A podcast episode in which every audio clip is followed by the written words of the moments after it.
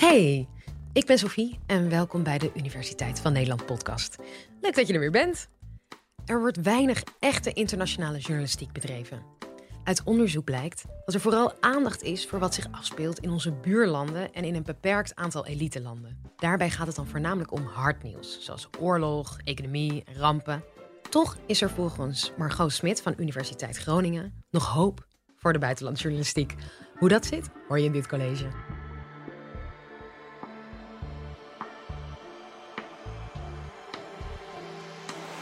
Live vanuit Club Air is dit de Universiteit van Nederland. Ik wil u meenemen naar april 2013. Op 6 april, een zaterdag, weet u nog waar u was?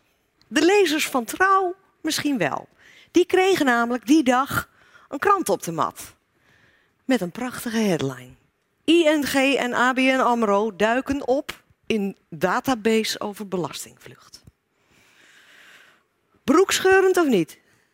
Mm, niet echt, hè? Niet echt. Belastingvlucht, belastingvlucht. Maar de goede lezer die het ging lezen, werd gaandeweg het artikel wel steeds meer getriggerd. Want dit was een zeer interessant begin van een serie artikelen over belastingontwijking.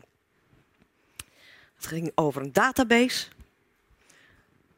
met gegevens over banken en personen en bedrijven van over de hele wereld. Die allemaal ergens hun geld hadden weggeparkeerd om wat minder belasting te hoeven betalen. Op voorhand niet echt een sexy onderwerp. Maar in de 48 uur rondom die 6 april verschenen over de hele wereld, in 48 landen, ditzelfde soort artikelen. Allemaal toegesneden op het land waarin ze gepubliceerd werden.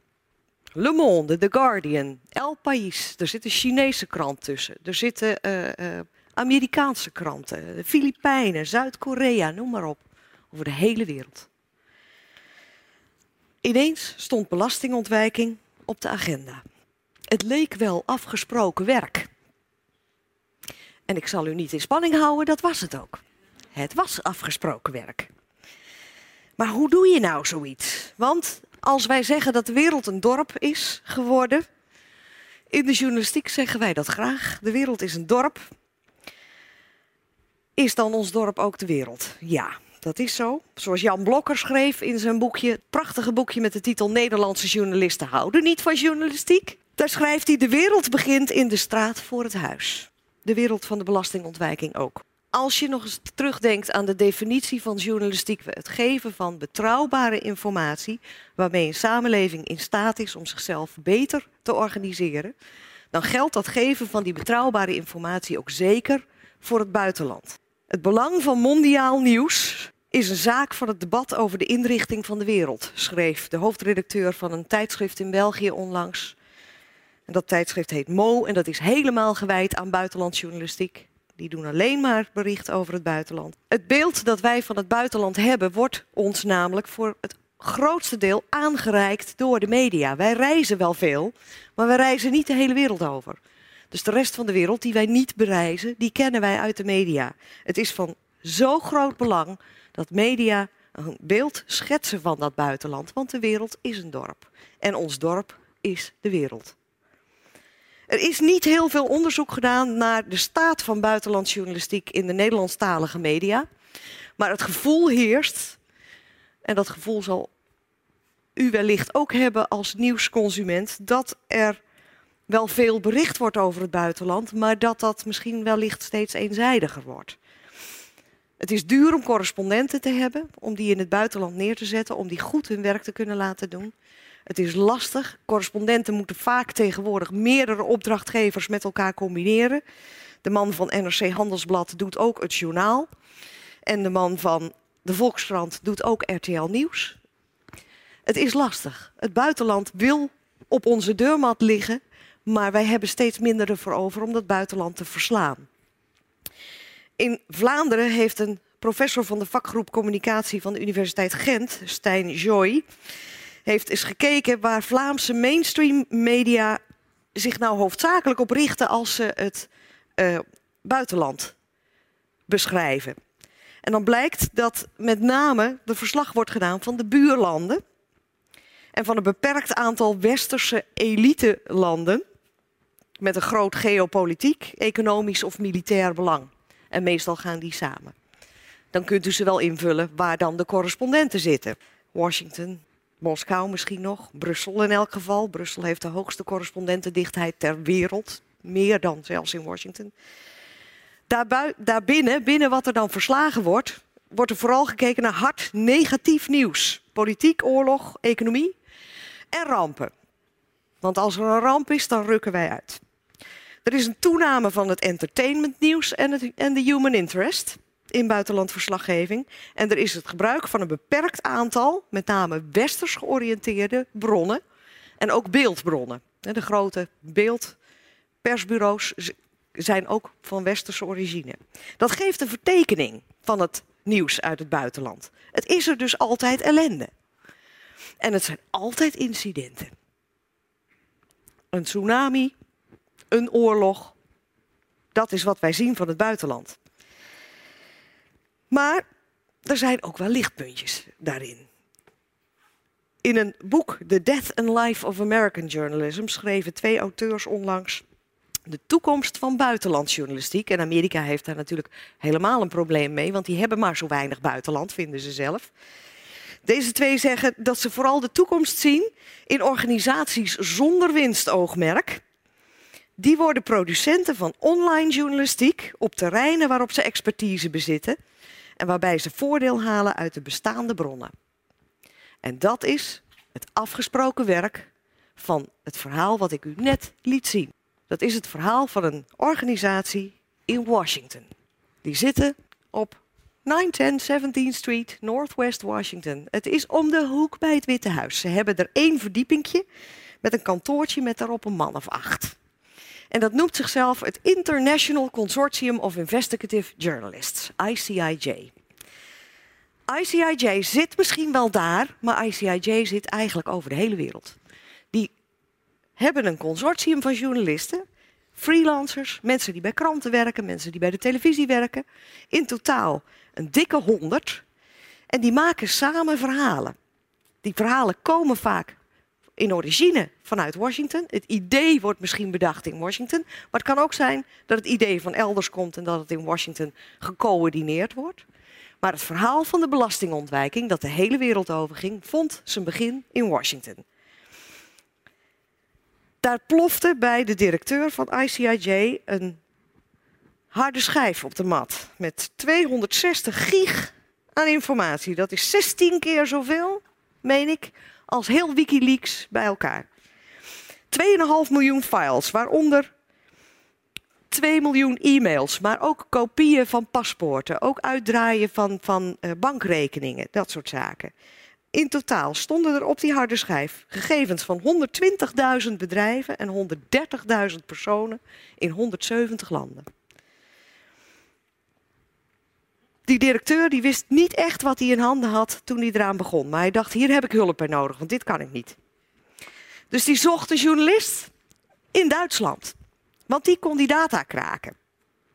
Die jongen die is daarmee aan, aan, de, uh, uh, aan het werk gegaan. Die heeft daar nog een paar mensen bij gehaald. Een collega in Ierland, een collega uh, in Costa Rica. En die hebben met elkaar een database gebouwd. Dat kostte ze zeven maanden om van die 2,5 miljoen files een database te bouwen die ze konden doorzoeken op naam. Want wat is dit nou? Het bleek te gaan om de gegevens van twee grote trustkantoren. Dat zijn kantoren die jou helpen. Als u heel veel geld heeft, dan helpen zij u om te zorgen dat u dat goed kunt wegzetten, zodat u er uiteindelijk volstrekt legaal zo min mogelijk belasting over hoeft te betalen. Want dat wilt u best wel. Als u veel geld hebt, dan schijnt u dat best te willen. U hebt genoeg, maar toch. Dat doen trustkantoren, die doen ook andere dingen, maar dit is een van de dingen die ze doen. Het is nogmaals volstrekt legaal. Maar wij hebben daar langzamerhand, ook zeker sinds het crisis is in de wereld, wat meer problemen mee als mensen. Wij vinden toch, als wij zelf onze belastingaangifte in moeten vullen voor 1 april, dan moet een bedrijf dat ook. En dan moet een, iemand met een groot vermogen dat ook. Dus wij vinden dat steeds lastiger. En dat vonden die journalisten ook. En die zijn gaan spitten en die zijn op zoek gegaan naar namen en die zijn op zoek gegaan naar de meest schrijnende verhalen achter die 2,5 miljoen files. Ze hebben dat op een hele ingenieuze manier gedaan. Want ja, hoe werk je nou samen als je zoveel gegevens hebt, maar je hebt iemand nodig die voor jou in Zuid-Korea iets kan opzoeken. En je hebt nog nooit die journalist in Zuid-Korea de hand gegeven of in de ogen gekeken. Zij hebben daar via dat consortium elkaar in kunnen vinden. Ze hebben een, een veilig uh, uh, platform gebouwd waarop ze met elkaar konden communiceren over de data. En uiteindelijk zijn ze erin geslaagd met 86 journalisten in 46 landen tegelijk in dat weekend van die 6 april 2013 over de hele wereld tegelijk die verhalen naar buiten te brengen. Dat is knap, want journalisten willen graag de scoop. Die willen de eerste zijn. Dan ga je toch niet met 86 collega's in 46 landen zitten wachten tot de laatste in Costa Rica ook op de knop cent heeft gedrukt. En toch is het ze gelukt. Ze hebben in de loop van die dagen over de hele wereld verhalen naar buiten laten gaan. In het ene land vielen ze wat beter in de aarde dan in andere landen. Maar over de hele wereld is de discussie over belastingontwijking op deze manier op de kaart gezet.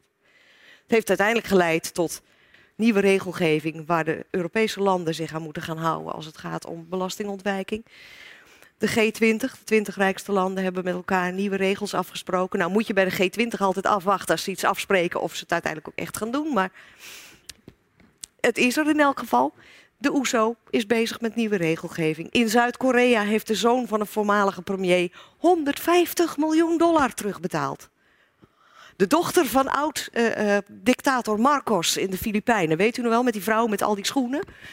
De dochter daarvan heeft miljoenen terugbetaald aan uiteindelijk de, het volk van de Filipijnen. Want het is het geld van en zo waren er tientallen voorbeelden meer, tot van, van Mongolië, waar de uh, parlementsvoorzitter ontslag nam, tot in uh, Azerbeidzjan, waar de dochters van de president ineens met naam en toenaam en hun hele vermogen in de krant stonden. Over de hele wereld staat het onderwerp belastingontwijking op de agenda. Dat is dus wat je blijkbaar kunt doen in de journalistiek. Over dat buitenland, dat zo vaak zo ver weg van ons is, kun je dit voor elkaar krijgen. Denk nu overigens niet dat deze mensen dat alleen maar doen als ze een envelop in de brievenbus krijgen. Ik werk inmiddels 25 jaar in de journalistiek. Ik heb die bruine envelop nog nooit gekregen. Ik zie een aantal collega's hier in de zaal zitten. Heeft u ooit een bruine envelop in de bus gekregen? Met gelekte stukken? Hij, hij, doet geen uitspraken daarachter in de zaal. Hij houdt zich op de vlakte, heel verstandig. Dat gebeurt maar zelden. In dit geval gebeurde het de directeur van ICIJ, maar dat gebeurt bijna nooit. ICIJ heeft ook meerdere projecten gedaan waarbij ze niet alleen maar op basis van gelekte stukken onderzoek deden. Ze hebben zo goed bedacht dat hun kracht zit in het kunnen overschrijden van grenzen. Omdat ze journalisten in al die landen hebben zitten. Dat ze bijvoorbeeld ook een project hebben aangepakt als overbevissing. Dat gaven ze de prachtige naam Looting the Seas. En dat kwam puur voort uit de verontwaardiging van een aantal journalisten die voor hun ogen de, de, de zee leeggevist zagen worden van tonijn. Heerlijk. Ik hou ontzettend van sushi. Maar het gaat heel slecht met de tonijn. En dat komt omdat op een heleboel plekken in de wereld de vis gewoon niet goed genoeg beschermd wordt. Zij zijn daar ingedoken. Zij hebben een project gedaan van twee jaar tussen 2010 en 2012. En dat liep qua methodieken uiteen van het doen van honderden interviews met vissers, met handelaars, met politici, met uh, uh, controleinstanties, tot en met het doen van DNA-onderzoek naar waar de vis vandaan kwam. Journalisten zijn met potjes en zakjes dat gaan testen, want je schijnt aan het DNA van een vis te kunnen zien waar die heeft gezwommen. Ik wist het niet, maar het is zo.